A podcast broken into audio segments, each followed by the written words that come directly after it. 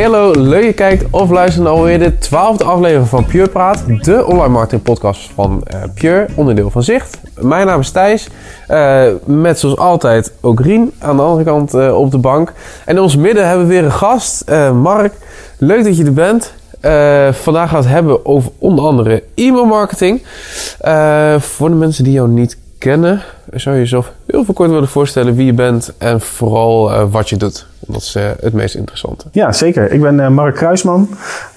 ik werk op dit moment bij Centraal Beheer en daarnaast als freelance e-mail marketing specialist. Ik zit nu zo'n, nou, ik denk wel 13 jaar al in dit vak. En voordat ik het professioneel ging doen, ook al heel lang met online bezig geweest als hobby. Ik had in de brugklas al mijn eerste website in toen nog Microsoft Publisher gemaakt. Dus altijd wel uh, online bezig geweest. En um, ja, sinds, uh, sinds eerder dit jaar ook voor mezelf. Dus nu doe ik uh, een heleboel verschillende dingen.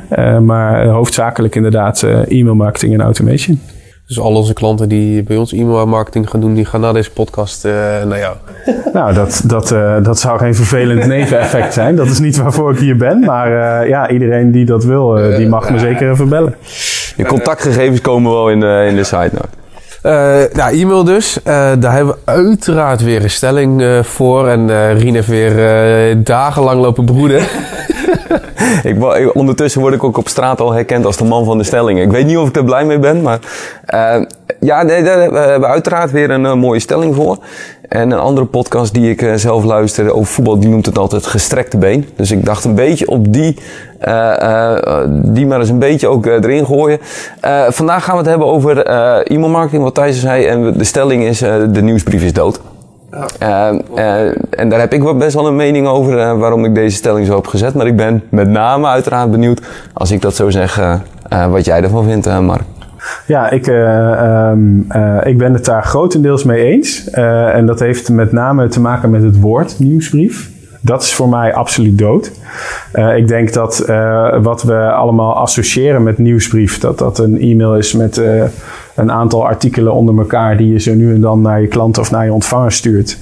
Ja. ja, e-mail is best wel heel specifiek voor de ontvanger. Wat voor de ene werkt, hoeft voor de ander niet te werken en vice versa. Dus als jij nu iets stuurt en jij herkent dat als wat ik omschrijf als nieuwsbrief, dan uh, echt, uh, dan moet je het vooral doen. Want als dat voor jou werkt, dan is dat de juiste manier om e-mail te doen.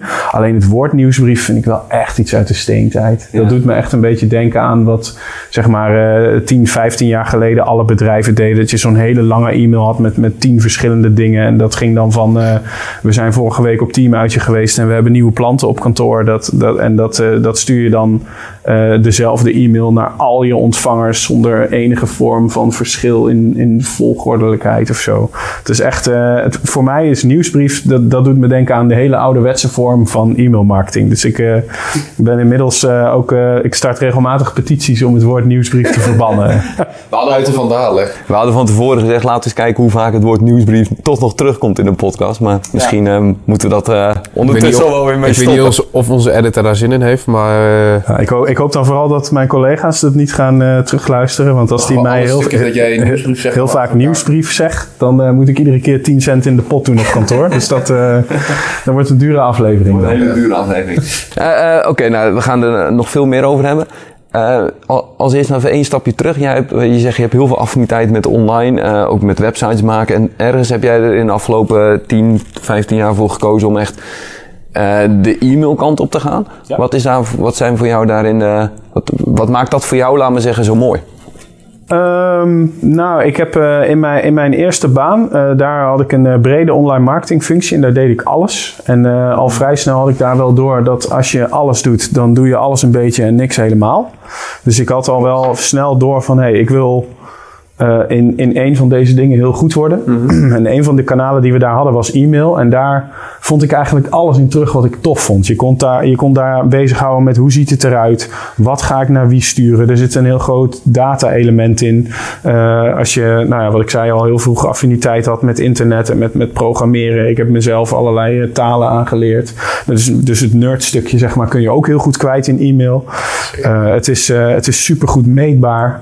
je kunt helemaal van, van van A tot Z kun je eigenlijk campagnes maken. Dus ik, ik, ik voelde me gewoon helemaal thuis in dat kanaal. Want alles wat ik vet vond, dat kon je doen in e-mail. En eh, daar ben ik, eh, ja, in die eerste baan ben ik me steeds meer vooral gaan richten op e-mail. En de andere kanalen liet ik het liefst aan mijn collega's over. En toen ben ik op een gegeven moment gewisseld naar eh, een online marketingbureau. En daar, vanaf daar ben ik dedicated e-mail specialist geworden. En dat tot de dag van vandaag. En wat is dan, uh, ben ik wel heel benieuwd naar het grootste verschil. Je doet nu centraal beheer, het grootste verschil tussen online marketingzijde en dan klantzijde uh, in, in de werkzaamheden die je, die je in binnen e-mail doet. Zit daar nog veel grote verschillen in? Of? Uh, ja, zeker. De, um, uh, je, scope is natuurlijk een stuk kleiner. Uh, bij online marketing bureauzijde, wat daar heel leuk is, is dat je zeg maar in de ochtend voor klant A, in de middag voor klant B en morgen weer voor klant C bezig bent. En de ene kan een groot bedrijf zijn, de andere kan een kleine zijn. Mensen die heel graag hele vette dingen willen doen. Mensen die het überhaupt nog moeten beginnen met data verzamelen. Dus, dus de niveaus zijn heel verschillend. Dus, dus je kunt niet goed voorspellen hoe je dag gaat lopen. En je kunt in heel veel verschillende keukens kijken. Hè, of het nou een webwinkel of een transportbedrijf of een, een school of nou, noem het allemaal maar op. Dat vond ik heel tof aan het online marketing uh, bureauzijde. Um, maar wat ik, wat ik daar wel merkte was dat het vooral ook uh, vaak draaide om declarabel zijn. En uh, als je dan zeg maar een bepaald iets op het spoor was, dat je dacht, nou, dit wil ik eigenlijk wel even uitzoeken. Wat gebeurt hier nou en hoe kan dit nou? Oh, ik heb voor deze maand nog maar drie kwartier openstaan. En dan uh, ik ging er toen vaak s'avonds in mijn eigen tijd dat alsnog uitzoeken. Maar dat is natuurlijk niet op de lange termijn heel erg uh, gunstig voor jezelf. En het is ook niet eerlijk naar de klant. Hè. Stel dat ooit dan een andere collega die klant zou overnemen en die doet dat niet. Dan krijgen ze in één keer veel minder voor hun geld. Ja. Dus dat was, uh, voor beide kanten werkte dat niet zo. Dus toen op een gegeven moment, nou er waren wel meer factoren toen waarom ik bij het online marketingbureau weg ben gegaan. Maar ik kreeg toen de kans om naar Wekamp te gaan. En, en daar kwam ik in, in, in een plek terecht waar ik echt, als ik iets op het spoor was, dan zei ik: jongens, ik ga echt even twee dagen nodig hebben om dit uit te zoeken. En dat kon dan, want ik hoefde de uren niet te verantwoorden. We hadden gewoon met, met ons team doelstellingen die we moesten halen. En als die werden gehaald, dan, dan was het goed. En dan deed je ook dedicated nieuwsbrief? Ja, ja. E-mail. E-mail, ja, ja. Ik hoorde hem al, ik hoorde hem al. Ik dacht, oh. Ja. Shit. Nee, ja, dat maakt niet uit. Nee. Maar dan kan je natuurlijk ook veel meer. Dat is een beetje wat Thijs denk ik ook bedoelde. Als ja. je aan bureauzijde zit en je doet e-mail marketing voor een klant, dan heb je na te maken met wat jij zegt, uh, declarabele, uh, declarabiliteit of een aantal uren. En dan kan je misschien niet de, of dan kun je misschien niet de, de kwaliteit leveren als je dat nou, ik denk, ik denk dat het risico is, ook is dat je een beetje vervalt in uh, hetzelfde pakketje verkopen aan verschillende bedrijven. Hè? Als, uh, als, als je al een aantal webwinkels doet en die hebben een verlaten winkelmand campagne en er komt een nieuwe webwinkel als klant, dan is het natuurlijk best makkelijk om te zeggen, hey, heb je wel eens gedacht aan een verlaten winkelmand campagne? En dat is op zich niet verkeerd en die kan natuurlijk steeds voor, voor elke winkel kan die iets anders zijn. Maar um, uh, omdat je niet of in ieder geval vaak niet voldoende uren krijgt om echt heel erg de diepte in te gaan. Uh, ja, vond ik toen, dan neig je vrij snel naar de zekerheid van nou, als we dit doen, dat werkt in ieder geval. En dan Vlak is de klant een af, je, qua, Ja, dan, ja. dan wordt je, wordt je, uh, je, je, creativiteit misschien op sommige punten een beetje tegengehouden. En als je niet die druk hebt van je mag er vandaag maximaal vier uur aan besteden. En als het een keer 4,5 uur is, nou prima, maar niet meer. En bij, bij klantzijde is het gewoon ja, als ik nu een week in deze data wil duiken en ik kan aan mijn manager verantwoorden waarom dat een goed idee is en ik lever vervolgens ook, dan vindt iedereen dat prima. Ja. Dus dat is wel het grootste verschil, denk ik. Dan denk ik, ah, ja. Lekker nerden, zoals je het uh, Ja, absoluut. Zegt. Ja, als, je, als, dat, als dat is wat je leuk vindt, dan uh, dat is dat is heel tof. En, en in e-mail, je hebt natuurlijk ook het, het visuele stuk. Hè. Je hebt uh, heel veel verschillende browsers. de e-mails moeten mooi zijn op de iPhone, op de Samsung, op de iPad, op andere dark tablets. Mode. Op dark mode is er natuurlijk bijgekomen. En tegenwoordig, je kunt e-mails ook lezen op smartwatches. En je moet rekening houden met mensen die misschien kleurenblind zijn of, of überhaupt niet kunnen zien en alle e-mails laten voor voorlezen. Uh, en dat zijn allemaal technische dingen waar je rekening mee moet houden. En als er dan, uh, dus onlangs is er een nieuwe iPhone uitgekomen. En dan zitten ik en mijn uh, directe collega bij Centraal Beheer, die zitten dan meteen even weer te kijken van oké, verandert er nog iets aan het scherm? Zou dat gevolgen kunnen hebben voor onze e-mails weer worden gegeven?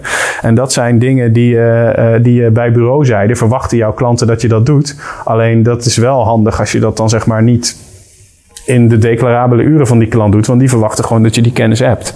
Ja. En uh, dan kan je natuurlijk bij het online marketingbureau zou je kunnen zeggen... we gaan uh, een dag eh, vrij roosteren om met z'n allen dit eigen te maken, zodat we het daarna in één keer goed voor al onze klanten kunnen doen. Maar je zit dan wel net even anders in de wedstrijd. Snap ik. Dus het is, eh, voor beide kanten zitten, zitten voor- en nadelen aan. Want het nadeel van klantzijde is dat je natuurlijk over het algemeen voor één soort klant bezig Ja. bent. Dan bagatelliseer ik wel een beetje dat eh, het is natuurlijk niet zo dat we Bij. Weekamp Eh, of eh, bij Centraal eh, Beheer alleen maar precies dezelfde klanten hebben. Maar je kunt je daar wel heel, heel erg focussen op, op één doel. Hè. Ik werk bij Centraal Beheer bijvoorbeeld op de zakelijke marketingafdeling. En wij richten ons daar op de bedrijven die bij ons eh, eh, inkomensverzekeringen, schadeverzekeringen of diensten afnemen. En eh, dat is best wel een, een, een prettig gevoel dat het redelijk afgebakend is van dit Ja. soort mensen, daar doen wij het voor. En, dat, en daar kan je dan heel diep ingaan.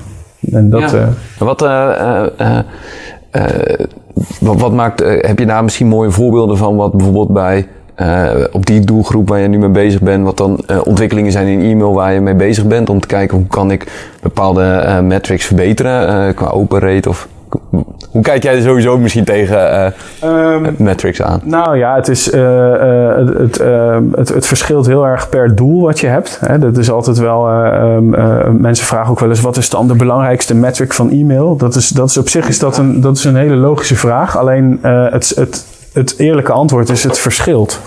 Want het hangt heel erg af wat je wil bereiken. Wij hebben campagnes naar onze klanten waar wij bijvoorbeeld willen dat ze iets gaan doen. Bijvoorbeeld eh, eh, een van de campagnes die we onlangs weer gedraaid hebben is eh, aankomende januari gaan heel veel klanten een verlengingsvoorstel van ons krijgen om hun verzekering weer met een jaar te verlengen. En wij willen natuurlijk dat dat voorstel heel goed aansluit bij hoe de situatie bij dat bedrijf nu is.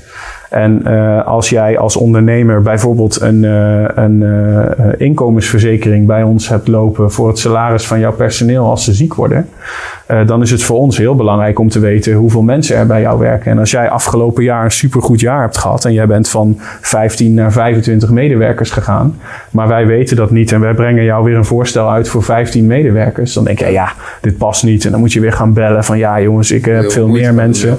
Dus een campagne die wij nu hebben lopen is dan sturen we heel laagdrempelig een mailtje met: hey, uh, uh, de verlengingsperiode komt er weer aan. Wil je even met ons meekijken of dit allemaal nog klopt? Ja. Hè? En er zijn natuurlijk een heleboel klanten die proactief al contact opnemen als er iets wijzigt in hun, in hun bedrijfssituatie, dat ze dat meteen doorgeven aan de verzekering. Uh, maar niet iedereen doet dat. En ja, wij hebben natuurlijk um, en uh, niet altijd uh, zin in heel veel extra werk, omdat alle klanten gaan bellen: hey, het voorstel wat je hebt gedaan klopt niet. Maar anderzijds vinden we het vooral ook heel belangrijk dat de klanten ook weten dat wij bezig zijn met hoe het met hun gaat. Ja. Want dat, dat zijn we oprecht. En uh, um, door dan zo'n voorstel goed te kunnen laten aansluiten, ja, sla je twee vliegen in één klap. En dat is best laagdrempelig met e-mail om, om ja. dat zo te doen. En andere voorbeelden zijn, um, we hebben bijvoorbeeld een doelgroep overheid. Uh, er zitten heel veel gemeentes in.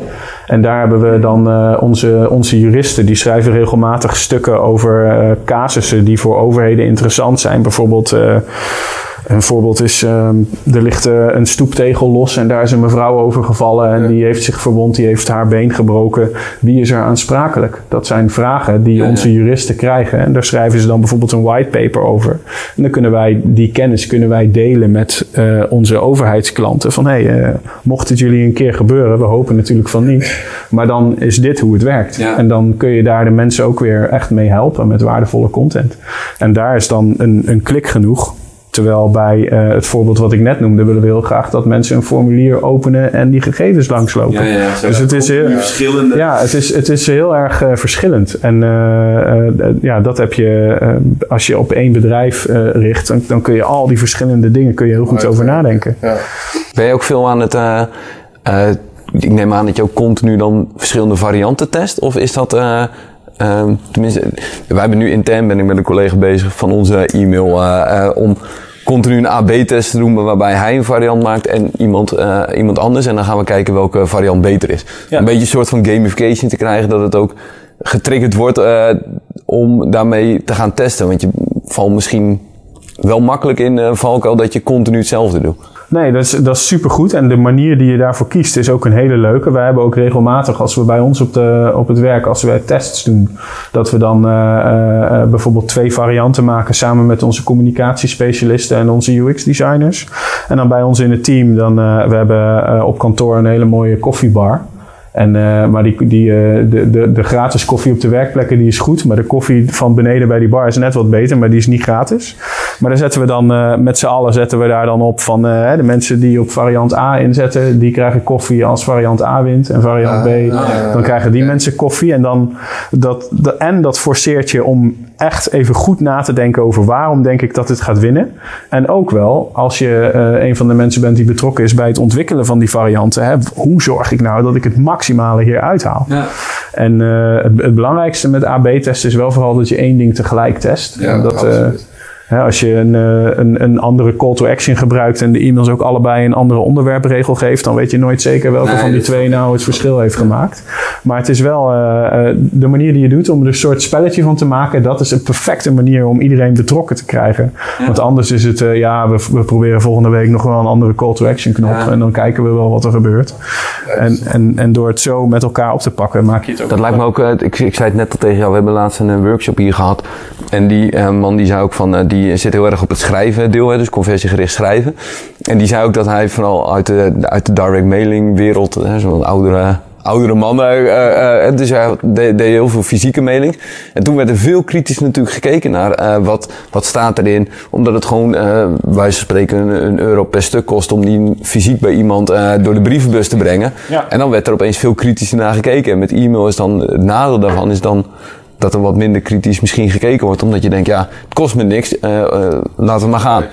Ja, je, je snijdt een heel, uh, heel mooi punt aan. Want dat is een prachtig voordeel en soms ook wel een nadeel van e-mail. Is dat het het is heel erg goedkoop als je het vergelijkt met, met Google Ads, waar je een advertentiebudget moet inzetten. Ja, e-mail kost wel een, een, paar cent per duizend verzonden e-mails. En je hebt natuurlijk de mensen die eraan werken die je moet betalen. En als je het wat professioneler aanpakt, een softwarelicentie. Maar al die kosten bij elkaar komen nog steeds niet in de buurt van, van wat je uh, voor één advertentie moet betalen. Ten opzichte van wat je voor één e-mail moet betalen.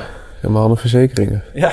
Dat is uh, dure kliks. Nee, precies. Dat, uh, hè, want dat, uh, ja, nee, dat, dat is gewoon een feit. Hè. Ik denk dat een, een advertentie, ik ben niet heel erg thuis in, in ads, maar op een populair woord kan dat je zo 2, 3 euro de klik kosten als het niet hoger is.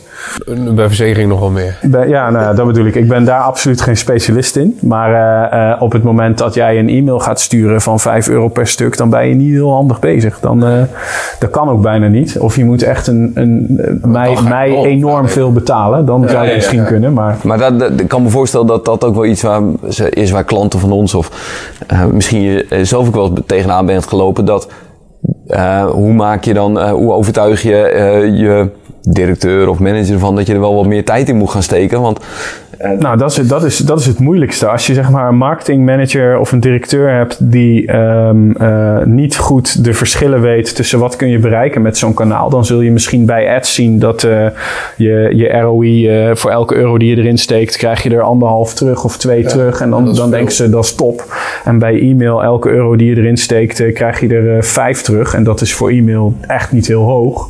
Alleen in verhouding tot ads, als zeg maar die directeur het allemaal hetzelfde ziet, denk je zo jongens, e-mail gaat lekker. Ja. Terwijl er is een onderzoek uit, uit Engeland dat e-mail volgens mij per pond uh, die je erin steekt, kan het, uh, nou pin me er niet op vast, maar iets van 38 pond opleveren. Ah, Waarom zou je dan tevreden zijn met 5? Ja, dus ik, ja, het is denk ik ook wel heel iets anders vanuit hoog over gezien, omdat je met ads houdt natuurlijk nieuwe klanten binnen. Nieuw klinkt altijd goed. En bij e-mail zit je toch wel meer op het behoud of uh, want je moet op een manier moet je de e-mailadressen verzamelen. Ja.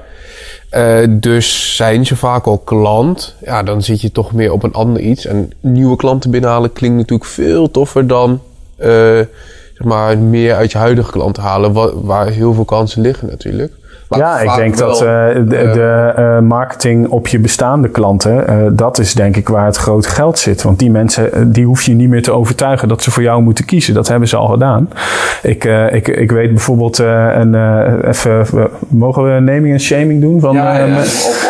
Voor eh, Ik doe, een- ik doe een kleine disclaimer. Maar ehm, ik, eh, ik ben al heel lang eh, eh, televisieklant van eh, KPN.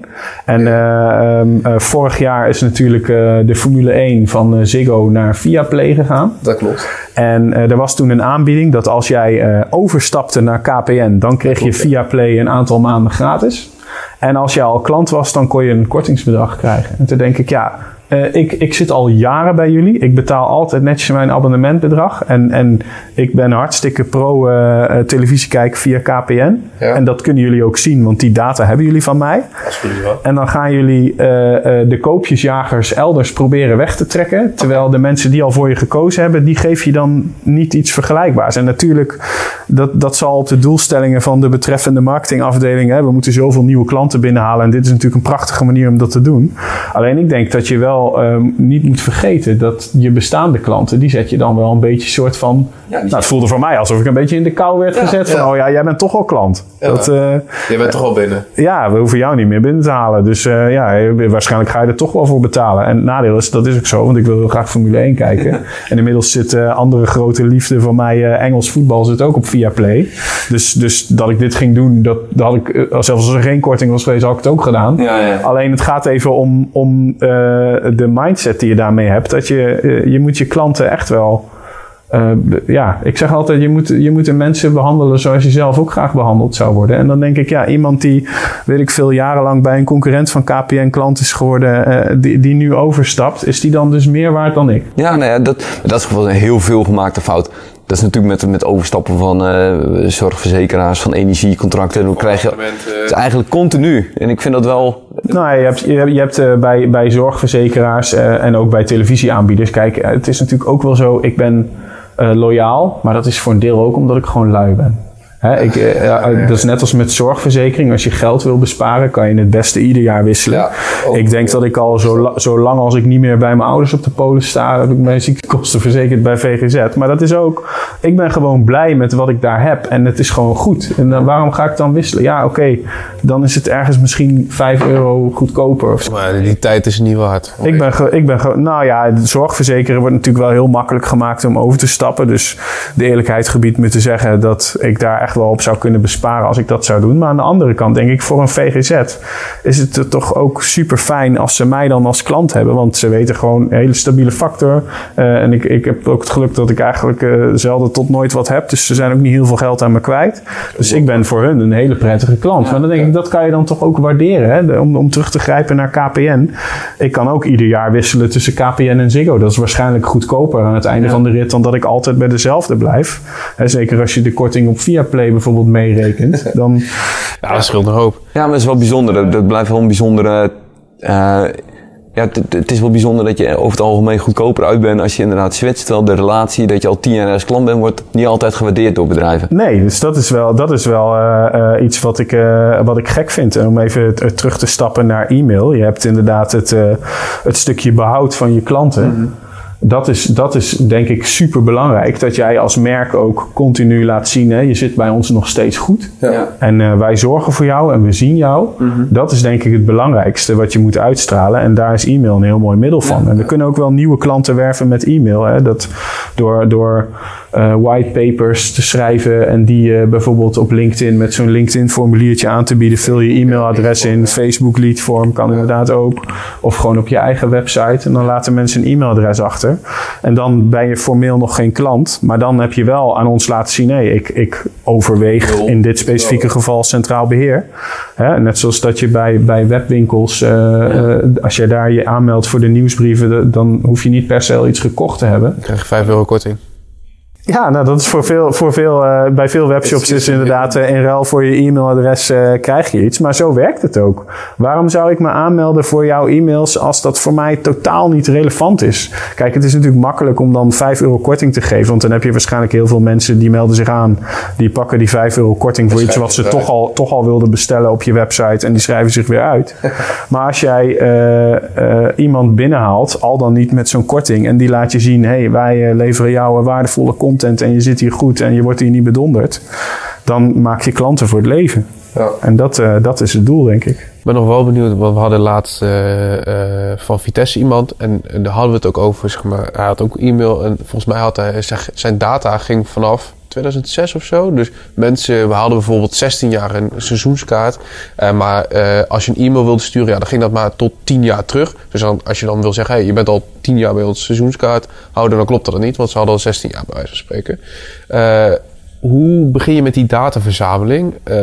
want ook qua personalisatie. Het, is, kost toch best wel wat. Uh, je, hebt die data nodig. Niet elk bedrijf heeft dat, tenminste, dat merk ik dan. Uh, is dat gewoon een kwestie van beginnen? Of uh, heb je nou nog andere manieren voor om toch die data te krijgen? Ja, het is, het is zeker een kwestie van beginnen. Wel heb je natuurlijk sinds een aantal jaar uh, bijvoorbeeld de AVG die is ingevoerd. Dat je tegenwoordig wel een, eh, een, een, grondslag moet hebben waarom jij vindt dat je die data mag bewaren. Dus dat, uh, dat maakt zeg maar het, het cowboy-landschap van wat je daarvoor had van everything you do on the website uh, will be used against you. Dat, dat kan niet meer. Maar uh, um, uh, nog steeds is het wel, ja, je moet beginnen, maar je moet wel nadenken over wat wil ik met die data. Ja. Hè, heel veel webshops vragen jou om je geboortedatum ja. met als enige echte reden om jou op je verjaardag te kunnen feliciteren. Ja. Uh, maar de vraag is even, hè, is dat ook in het belang van een klant? Of, of uh, nou, de, um, weet ik veel, blogs uh, die, die je leest uh, en je schrijft je daarin en dan moet je je adres invullen. Ja, waarom? Ik wil gewoon, uh, als ik me aanmeld voor jullie e-mails, dan wil ik graag een e-mailtje. Als er een tof nieuw artikel is over een onderwerp wat ik interessant vind, dan maakt ja dat nou uit waar ik woon. Dat, dus het is echt wel goed ook nadenken. En in dit geval wat je nu schetst van, uh, van Vitesse. Ik heb, ik heb, deze aflevering heb ik niet gehoord. Dus misschien uh, ga ik iets hetzelfde zeggen of iets wat helemaal niet klopt. Maar uh, daar is het dan denk ik um, zaak dat als je weet dat iemand al langer dan die tien jaar is. Dan zou ik vooral niet in die e-mail die tien jaar noemen. Want dan denkt die klant, hé, hey, dit, dit klopt natuurlijk niet dan kan je beter daar omheen werken en het alleen letterlijk zeggen voor de mensen van wie het zeker weet. En dat je voor de mensen die al, waarvan je weet dat die al langer lid zijn, dat je dat, u bent al zo lang klant als we ons kunnen herinneren of zo. Dat je er zoiets van maakt. En dan dat je wel, maar dat je wel laat zien van wij zien jou. Ja. en dat is bij veel, uh, veel bedrijven. Ik heb uh, een hele, hele tijd bij Wekamp gewerkt. En dat bestaat natuurlijk ook al uh, nou, 40, 50 jaar, als het niet al nog langer is. Uh, die zijn natuurlijk ook begonnen in de tijd dat we nog niet uh, dikke vette e-mail databases hadden. Daar gingen heel veel dingen ook gewoon nog in de archiefkast. Ja. En de truc is zeg maar, ja, hoeveel is het je waard? Is het je waard om die archieven te gaan digitaliseren? Of is het niet zoveel waard dat je die data kunt hergebruiken uh, en dat je zegt we gaan gewoon werken met wat we nu hebben? Ja. Dat is een afweging die je kunt maken. Uh, onze klanten die, uh, tenminste we hebben natuurlijk klanten die ook e-mail echt als een heel serieus kanaal zien. Er zijn ook wel klanten die die stap nog moeten zetten eigenlijk. Ja. Hoe zou jij, uh, wat, wat, voor advies kan je, kan je dat, dat soort type klanten meegeven? Of dat soort type bedrijven? Hoe start je dan en hoe zorg je dan dat je, dat je e-mail ook als een serieus kanaal gaat zien? Ja, misschien ook wat tooling? Ja, tooling. Uh, het, uh, het is inderdaad heel verschillend. Het, uh, um, ik denk dat je vooral op het moment dat je besluit, ik, ik denk dat e-mail voor ons toegevoegde waarde gaat hebben. Want dat is denk ik waar het moet beginnen. Je moet niet e-mail marketing gaan doen omdat andere bedrijven ook e-mail marketing doen. Je moet wel e-mail marketing gaan doen omdat jij denkt, hier kan ik iets mee bereiken wat ja. ik wil bereiken. Mijn doelen halen of mijn klanten beter informeren of beter binden. Of, of, er moet wel een idee achter zitten. Ja. Maar dan is natuurlijk wel Um, uh, als je op online gaat kijken van wat zijn goede e-mail marketing voorbeelden, dan kom je anno nu allemaal hele grote big data, data gedreven toestanden. En dit moet op uh, de dark mode van je telefoon moet het er mooi uitzien. En op de iPad. Dat is best wel overweldigend om mee te Ja, als jij zeg maar nog helemaal niets hebt, dan is dat echt wel dan snap ik dat je iedere week denkt: ik wil hier graag mee beginnen. En dan ga je ervoor zitten en denk je: oh, dit is echt zoveel. Uh, en, maar daar zijn echt wel uh, uh, wegen mee, mee te bewandelen. Sowieso kun je natuurlijk, hè, zoals wat jullie ook doen, je kunt contact opnemen met een bureau wat je daarbij kan helpen. En die kunnen vaak die eerste stappen veel sneller maken. of je zoekt een goede freelancer, kan natuurlijk ook. maar het belangrijkste is dat je vooral gewoon begint. En beginnen bedoel ik mee, het allerbelangrijkste wat je moet doen bij e-mail is natuurlijk e-mailadressen verzamelen. En dan ook uh, conform de regels die daarvoor gelden. Ja. Hè, dus uh, mensen moeten actief hun opt-in afgeven. En je moet uh, in elke e-mail die je stuurt, moet je de, de optie bieden om de uitschrijven, om uitschrijven mogelijk te maken. maar dat zijn eigenlijk zeg maar de, de basisbeginselen van wat je moet doen. Uh, en in het begin, uh, ja, zeker als je net begint, het heeft ook wel, het heeft ook wel de charme hè, als je gewoon klein begint. Hè. Waar, tegenwoordig is het allemaal super vette, opgemaakte e-mails. Terwijl als de boodschap die daarin staat, en het, staat, het ziet er gewoon uit alsof het een mailtje is wat je in Word hebt getypt. Het, ja, een plain tekstmail. Dat is, dat is al prima om mee te beginnen. Hè, want dan, dan ben je begonnen en daar krijg je reacties op. En van die reacties leer je. En uh, zo kun je steeds beter leren wat, wat jouw ontvangers belangrijk vinden. En uh, hè, het ene bedrijf heeft misschien super fancy, mega strak gedesignde e-mails nodig. Terwijl een ander bedrijf, uh, uh, als jij als bedrijf bijvoorbeeld je naar je klanten altijd heel persoonlijk positioneert. En er komt in één keer zo'n super strak afgelakte e-mail binnen. Dat sluit helemaal niet aan bij het gevoel wat jij neerzet. Dan denken ze, oh, hier dit, dit voelt niet als het bedrijf waar ik zaken mee doe. En, en vanuit daar kun je natuurlijk steeds verder gaan. Hè. Als het groter wordt, kun je het professioneler aanpakken. Dan kan je over andere tooling nadenken. Dan kan je meer data aansluiten. Kun je misschien dingen gaan automatiseren. Of uiteindelijk misschien dus wel een hele mooie template laten maken.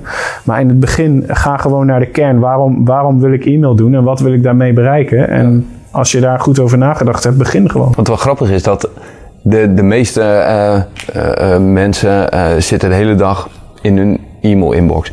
He, dus iedereen die krijgt de hele dag mailtjes van klanten, van collega's. Van, ja. en, en is mailtjes aan het beantwoorden. En eigenlijk is dat, moet je volgens mij e-mail marketing ook als een soort van verlengstuk daarvan zien. Want je, je bent eigenlijk wat, ja, je, je, stuurt de hele dag mailtjes naar je collega's. En met e-mailmarketing stuur je ook e-mails naar je, je, je ontvangers of je klanten. Ja, maar in feite, de gedachte erachter is hetzelfde. Hè? Je, je, wil, je wil ze een bepaalde boodschap overbrengen. De mailtjes naar je collega's is natuurlijk, hey, hoe laat begint de lunch? Uh, maar naar je klanten wil je wel iets, iets vertellen. Ja. En uh, daar kies je dan op dat moment e-mail voor. En, dat, uh, en wat als je niks te vertellen hebt? Bijvoorbeeld een maand geen artikel hebt geschreven, of het is zomervakantie, het is wat rustiger. Of... Nou, dan vooral niks doen. Ik vind, ik vind het altijd wel belangrijk dat je, als je een e-mail stuurt, hè, nou is een e-mail niet meteen dat dat, dat een enorme inbreuk op iemands persoonlijke levenssfeer is als je iemand een e-mail stuurt. Maar ik vind wel, mensen krijgen de hele dag door genoeg e-mails. En als er dan e-mails tussen zitten waarbij ze denken, dit is, hier zit ik echt mijn tijd mee te verdoen. Dan, uh, um, uh, ja, als dat te vaak gebeurt, dan gaan ze op een gegeven moment zich afmelden of jouw e-mails gewoon niet meer lezen. Dus het moet wel, het moet wel waarde hebben. Uh, en uh, er zal heus, elk bedrijf stuurt wel eens een e-mail waarvan een gedeelte van de klanten denkt, nou, dit interesseert me helemaal niks. Maar het moet niet, uh, je moet niet mailen om het mailen. Je moet alleen mailen als je ook wat te vertellen hebt. En, en hoe zorg je voor die consistentie dan? Ik heb wel eens ook met de klant over gehad van je moet het net zoals de, deze podcast bijvoorbeeld staat hard in onze agenda's. Daar kunnen we uh, qua opnames, uh, jij maakt je tijd vrij, uh, et cetera. Dus dat staat er hard in. Dus op het moment dat je iets belangrijk vindt, moet het een plek in je agenda krijgen. Dus op het moment dat jij e-mail belangrijk vindt, moet je daar ook uh, uh, op die manier consistentie misschien in, in weten ja. te vinden. Nou, je, je kunt natuurlijk uh, samen met je, met je collega's, hè, als, je, als je collega's hebt en als je zelf bent, kun je het natuurlijk ook zelf doen. je kunt kijken waar je voor jouw bedrijf leuke haakjes kunt maken met actualiteiten. Er zijn tegenwoordig is voor alles wat je maar kan verzinnen, is er wel een dag van. Hè? En, ja, normaal. Nou ja, maar daar zitten ook een hele hoop leuke dingen tussen waar je goede haakjes mee kunt maken. En, en uh, ook daar moet je natuurlijk wel ervoor waken dat je niet het haakje gaat maken omdat je een haakje wil maken. Maar je kunt wel bijvoorbeeld een jaar vooruit kijken. En dan uh, als jij uh, een bedrijf hebt wat bijvoorbeeld ja, dan moet ik nu even snel uh, een voorbeeld verzinnen. Maar stel jij, uh, jij maakt uh, gepersonaliseerd bestek. Ik verzin maar wat. Wanneer hechten mensen waarde aan bestek? Nou, waarschijnlijk met het paasontbijt en met ja. het kerstdiner. Ja. Nou, dan heb je al twee momenten waar je, waar je op zou kunnen inspelen. Ja. Ik, ja, en ik denk dat die gamification waar je in het begin, waar we het begin over had, dat zorgt wel dat het gaat leven. Dus dan zorg je ook in, uh, direct ook wel voor uh, consistentie. Ja, en dat continu mee bezig zijn. En, en e-mail is natuurlijk wat dat betreft ook een soort van katalysator, denk ik, voor bijvoorbeeld je content-inspanningen. Want je krijgt een beetje dat op het moment dat je je conformeert aan ik wil in e-mail relevante content gaan delen met mijn ontvangers, dan moet er ook relevante content zijn om te delen. Dus dan uh, uh, ga je daar ook al mee aan de slag met de content planning. Of Ja, met, ja, het- het snap je, dan krijg je ook deadlines intern van, hé, hey, ik moet wel iets kunnen versturen. eh. Het, het zal elka- elkaar kunnen versterken. Hè? En je moet natuurlijk niet eh, content maken om dat in de e-mail te kunnen zetten. Maar je moet ook niet alleen maar e-mails maken omdat je anders je content niet aan de man krijgt. Maar het is wel de, de wisselwerking tussen die twee. Eh, daar kan je heel mooi gebruik van maken. Als er eh, gave content is en je weet dat eh, een bepaald gedeelte van jouw e-mail database dat waarschijnlijk heel interessant vindt. Dan, dan ja, moet je dat zeker doen. Want, want dat is ook wat ze van, van jou als, ont, eh, als, als verzender ontvangen. Dat jij, hè, toen zij zich inschreven, beloofde jij, we gaan je toffe dingen opsturen. Ja, dan moet je dat ook doen. Dat, eh, Moet je belofte waarmaken. ja, zeker. En wat, wat zijn er, eh, om even een blik op de toekomst te hebben, wat zijn voor jou, eh, vanuit jouw eh, kennis en expertise, dan zaken waar we de komende tijd veel tegenaan zullen gaan lopen als we het hebben over e-mail? Niet meer nieuwsbrieven communiceren. Nee, het woord nieuwsbrief alsjeblieft niet meer gebruiken. Nee, dat is, eh, maar dat is eigenlijk, eh, dat is nu ook al. Dat is niet de toekomst. Nee, ehm, nou, ja, er, zijn, er, zijn denk ik, er zijn denk ik twee dingen waar je rekening mee moet houden. Eh, enerzijds is eh, dat we steeds meer de kant van, eh van cookieless marketing opgaan. Hè, je ziet dat eh, in, eh, met, met retargeting via Google wordt bijvoorbeeld al steeds moeilijker. Maar in e-mail heb je vorig jaar gehad dat eh, Apple de Mail Privacy Protection heeft uitgerold. Eh, waarmee wij ehm, eh, niet meer met zekerheid kunnen zeggen als ik bijvoorbeeld jullie allebei een mail stuur en ik zie bij jullie allebei staan dat die e-mail geopend is. Dan kan dat heel goed een machine open van Apple zijn. Dat, eh, dat, eh, ik, Dat is even in het kort wat die mail protection... eh, ja, wat die mail protection eh, doet, is die haalt alle mails op. En eh, d- die geeft daarmee dus niet door terug eh, aan de, aan de e-mailverzender of daar iets met die e-mail is gebeurd. Hè, je kunt mensen wel, als ze vanuit die mail klikken en ze komen op je website, dat kan je natu- natuurlijk nog steeds volgen. Maar dat maakt dus dat sinds de uitrol daarvan, en zeker als jij een doelgroep hebt waar heel veel mensen iPhones of, of Apple-apparaten gebruiken, dan is open ratio is, is leuk om af en toe eens naar te kijken, maar heeft natuurlijk eigenlijk geen hele betrouwbare waarde meer. Ik zou daar niet een KPI voor volgend jaar op zetten. Nee, inderdaad. Dat, eh, dat wordt dan een beetje gek. Eh, en eh, dat heeft ook gevolgen voor je, voor je eh, als je automatische flows gebruikt. Hè. Voorheen was het best wel gebruikelijk dat eh, als jij een mail stuurt, kun je instellen. Hè, als deze klant eh, na drie dagen deze mail nog niet geopend heeft, dan sturen we hem nog een reminder. Ja, ja, En nu, en nu zal je heel vaak onterecht die reminder niet gestuurd worden, omdat Apple die mail al geopend heeft. En dan gaat je hele flow natuurlijk onderuit. Hoe, hoe ga je daar dan mee om? Dat lijkt me wel een lastige dan, toch meer niet? Op de, meer op de interactie gaan zitten. Zorgen dat mensen eh, gaan klikken. Eh, dat is heel belangrijk. Ik heb toevallig eh, een, een paar weken geleden ook een blog op Marketing Facts geschreven. Over dat je, eh, eh, hoe je e-mail het beste kan inzetten. En daar heb ik de vergelijking gemaakt met... ehm, eh, ja, als je wel eens in Spanje bijvoorbeeld op vakantie bent geweest... dan herinner je je vast wel dat je daar... als je langs de boulevard, langs het strand loopt... en er zitten een heleboel restaurantjes... en er staat overal staat iemand bij de deur die zegt... Hey, eh, Kom bij ons eten. We hebben vanochtend een verse vis gevangen. Lekkere wijn. En eh, we hebben ook nog een plekje bij het raam. En dan denk je, nou weet je, hier moet ik naartoe. Dit is tof. En dat is voor mij echt de essentie van hoe je eh, perfect e-mail marketing zou moeten inzetten. Je moet niet, eh, om even in deze vergelijking te blijven, dat hele hoofdgerecht op straat serveren. Dat hoeft niet allemaal in die e-mail te staan. Zeker omdat e-mail ook door spamfilters afgerekend wordt op hoeveel interactie daaruit komt, moet e-mail vooral je visitekaartje zijn waarvoor je denkt, daar ga ik eten. Hè, dus ik, ik lees iets in die e-mail, dat wekt mijn interesse, ik klik door. En ik kom op die website en daar kan je je hele aanbieding of aanbod of wat je wil laten zien, kan je daar doen. En dan eh, ehm, eh, ja, stel je de klant niet teleur, want die wordt geïnteresseerd.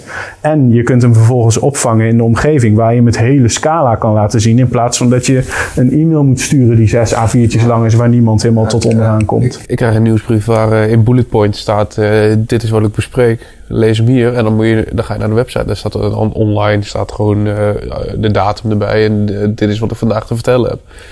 Ja, maar ik nou- klik wel elke keer weer. Ja, eh, en dat, eh, ehm, eh, dat, is, eh, dat, dat hoeft niet voor iedereen zo te werken. Eh, maar in, in dit geval denk ik dat dat, dat dat heel goed is. Als je meerdere dingen wil vertellen. Waarschijnlijk als je al die dingen helemaal uitschrijft onder elkaar. Dan krijg je een hele lange e-mail. En niemand komt tot onderaan. Behalve als je je wil afmelden misschien.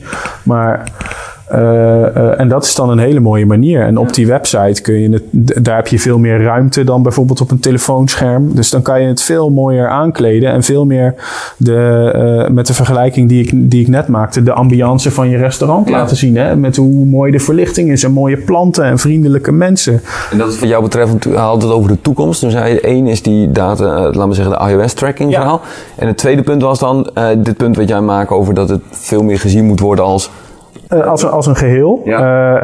Uh, e-mail ehm, is niet meer een kanaal op zich. Hè. Je, de, natuurlijk is in de afgelopen jaren al heel vaak is e-mail doodverklaard. Hè. Want toen kwam Facebook en nu werd e-mail overbodig. En toen kwam er Instagram en toen was e-mail toch overbodig geworden. Maar het grappige is dat altijd bij al die nieuwe vormen die dan e-mail moeten uit gaan wissen, kun je alleen een account maken met je e-mailadres. Dus ze houden het zelf ook wel een beetje in stand. Ja. Maar um, uh, ik denk ook dat dat niet waar is. Uh, maar ik denk wel dat de behoefte verandert. Hè. Je krijgt nu steeds meer verschillende mogelijkheden waarop met name de jongere doelgroepen die, die willen communiceren via WhatsApp, die communiceren met chatbots, die communiceren nou, met een heleboel verschillende dingen. En ik denk dat je e-mail wat, wat meer holistisch moet gaan zien als, als een kanaal. Maar ik geloof wel heel erg in klant kiest kanaal. Hè, het is niet zo dat als iemand contact met jou opneemt uh, via WhatsApp, dat we jou dan altijd maar een mail moeten gaan sturen om antwoord te geven. Want dan denkt die klant denkt ook, ja, hoe krijg ik nu in één keer een mail? Ik vroeg iets op WhatsApp. Ja. En uh, ik denk dat je uh, klant kiest kanaal in het achterhoofd moet, ach moet houden. En dat e-mail daar weliswaar een heel mooi middel, maar wel een van de middelen gaat zijn. Zeker nu met marketing automation. Uh, wat, wat steeds meer gebruikt wordt. Hè. Voorheen was dat voornamelijk dat je dan automatisch nog een e-mailtje kreeg als je ergens op drukt. Uh, maar tegenwoordig uh, kan dat ook over heel veel verschillende kanalen. Hè. Dat op het moment dat wij in een automation flow iets herkennen, dan gaan we als we jou herkennen op Google, gaan we bepaalde woorden extra opbieden, zodat je die advertentie te zien krijgt. Of je krijgt gesponsorde content op social, omdat we daar zien dat jij bij ons bent langsgekomen. Of we zorgen dat jij een bepaalde reactie op WhatsApp krijgt automatisch. En uh, uh, als je daarnaar kijkt, dan wordt e-mail meer een middel en geen doel meer op zich. En ik denk dat dat ook wel naar de toekomst toe uh, ja. steeds belangrijker wordt. Ja, ik ben wel heel benieuwd of we straks e-mailtjes op WhatsApp krijgen. Dat is, ik... nou ja, je ziet, je ziet het nu soms al, al gebeuren. Ik weet dat... Zijn er bedrijven die dat al doen? Nou ja. Zal WhatsApp berichten sturen? Met wat? Nou, ik weet niet of het al echt met WhatsApp gebeurt. Want WhatsApp, uh, ik weet dat de ESP waar wij mee werken, die zijn ook bezig met integratie van WhatsApp voor Business. Maar daar zitten echt wel strenge richtlijnen aan. Maar je ziet het natuurlijk wel met sms. Uh, dat er wel bedrijven zijn die aanbiedingen via sms sturen. En ik zit daar persoonlijk echt niet op te wachten. Dan denk ik, hé, hey, dat, dat moet je mij maar mailen. Je mag mij sms'en als jij de DHL bent. En uh, ik ja. weet dat jullie vandaag komen en jullie weten nu in welk tijdvak. Dat ontvang ik graag via sms. Maar je moet mij niet sturen uh, korte broeken in de aanbieding nee, via nee, sms. Nee, dat, ik heb het nog nooit gehad trouwens. Maar... Ah, er zijn, dit is niet, nee, dit is niet heel maar... veel gebruikt, maar er zijn wel degelijk ja. partijen die dat doen. Voel dan toch, uh, ik zou dat ook al als een beetje spammy en een beetje te persoonlijk. Ja, te persoonlijk. Zeker, da, maar, maar, dat is ook enerzijds denk ik omdat mensen het ook niet gewend zijn. Dat je denkt, ik krijg nou een aanbieding via sms, wat is dit nou weer? Uh, maar anderzijds, uh, ja, het, het, voor die bedrijven, het is natuurlijk ook interessant om het gewoon eens te proberen. Want voor hetzelfde geld werkt het heel goed. Ja. En dan ben je stom als je het niet doet. En daar krijg je dan weer klant kiest kanaal. Er zullen ook mensen zijn die het wel prima vinden om via sms aanbiedingen te krijgen. Ja, je triggerde hem een beetje met, met uh, generatie en kanaal. En dacht van ja, maakt het niet uit. Het kan goed zijn dat het inderdaad een. Ja, maar de, de, er zijn genoeg bedrijven die wel uh, flows uh, aanbieden die je met WhatsApp kunt sturen. Dat jij bestellingen doet via WhatsApp. Ik heb zo even niet een, een, een mooi voorbeeld paraat, maar er zijn wel degelijk bedrijven die, die dat al doen. Ja. Dat je, hè, en, en wat ook via sms gaat, is: u heeft vorige week contact gehad met een van onze medewerkers. Wilt u een 1 tot en met 5 geven voor hoe, dat, hoe, de, hoe u dat heeft ervaren? Ja, dat zou je per e-mail kunnen doen. Dat kan je ook per sms doen. Dat zou je in, in de nabije toekomst ook via WhatsApp kunnen. Wat jij zegt, klant kies kanaal. Ik bedoel, als iemand het fijn vindt, uh, ja. zit ik te denken, ik bedoel, uh, wij zitten heel erg in e-mail natuurlijk nu, maar goed, dat is natuurlijk ook logisch in deze setting. Ja. Maar ja, als klant het fijn vindt om gewoon oh, via WhatsApp even een berichtje te krijgen in plaats van dat je een mailtje stuurt. Ja, uh, nou, er zijn, er maar de strategie erachter is wel hetzelfde. Ja, de strategie erachter is misschien wel hetzelfde. Maar het is, er zijn best wel dingen waarvan ik denk... zou ik echt relaxed vinden als je me dat gewoon even op WhatsApp stuurt. Ja. En dat zou ik ook, ik, ik zou, eh, ja, ik kan zelf niet wachten tot we WhatsApp voor Business kunnen gaan gebruiken. Omdat ik denk dat daar, dan kan je zeg maar de situatie creëren dat je even snel iets kunt checken. Ja. Hè, bijvoorbeeld, eh, ik ga, eh, om even in de verzekeringen te blijven, ik ga volgende week op vakantie naar Frankrijk. Moet ik dan mijn groene kaart meenemen? Ja. Dan kan je even een appje sturen. Dan ga je er niet helemaal een mail over sturen. Nee. En, en door dan, als je daar dan bijvoorbeeld een slimme chatbot achter hebt zitten, die dat dan of via WhatsApp of via chatbot of via Facebook chat of hè, klant kiest kanaal. Ja. Maar dat je dan wel daar de tooling voor in place hebt die dan makkelijk die klant een antwoord kan Ja. geven, dan snijdt dat mes aan twee kanten. Ja, nou ja, perfect. Ik, ik zit nu zelf in de situatie dat ik bij, bij cheap tickets een refund moet krijgen. En dan, eh, ik stoor me er gruwelijk aan dat ik daar gewoon eh, bellen. Er staat een telefoonnummer, maar die is gewoon afgesloten. Ja, nee, dat kan niet. Dat is sinds corona. Ze hebben een eh, chatbot waar je geen eh, veld krijgt waar je zelf wat in kan vullen. Dus ik kan alleen maar continu kiezen tussen opties die van tevoren worden aangegeven. Ah, het is om... Daar, ja, ik heb, ik heb al in de vriendengroep gezegd, herinner me er alsjeblieft de volgende keer aan dat we, dat we gaan, dat we nooit meer iets via deze partij doen. Want gewoon, dit, dit is gewoon, ik word er helemaal gek van. Maar goed, dat is helemaal niet voor... Hier, hier, hier kom je zeg maar uit op het stukje dat je. eh, ik vind heel erg dat je je klanten moet behandelen zoals je zelf ook behandeld zou moeten worden. En in dit geval, wat jij nu schetst, dit is een partij die zullen het ongetwijfeld met de coronajaren en alle afgezegde vluchten en zo, zullen ze het heel zwaar hebben gehad. Dus die zullen ook misschien niet zitten te wachten op al die klanten die ook nu nog weer hun geld eh, komen terugvragen. De, maar ik vind het aan de andere kant niet heel chic dat je het dan super moeilijk maakt. Want je zegt het net zelf, hè, in de vriendengroep zeg ik herinner mij eraan. En Ja, ja, maar ik ga nooit van mijn leven meer met hè, we hebben het over e-mail marketing en er zijn nog heel veel andere marketingkanalen. Maar ik denk dat het aller, allerbeste en allereffectiefste marketingkanaal is nog steeds mond-op-mond reclame van mensen die je vertrouwt. Als jij dit in je vriendengroep zegt, denken die gasten allemaal, eh, die gaan wel twee keer nadenken voordat ze iets bij, bij die partijen boeken. En, en dat, is, dat is funest. Ja, helemaal mee eens. Oh, we slaan een andere eh, weg in, maar... eh Het was de podcast van de vorige, vorige aflevering ging over mond-op-mond reclame. hey, eh, super tof. Hartstikke leuk eh, eh, dat je er was, Mark. Dankjewel. Bedankt voor alles. Eh, jullie bedankt voor het luisteren. Eh, dan zien we weer bij de volgende keer graag weer terug. Eh, en een fijne dag nog. Joep. Tot ziens.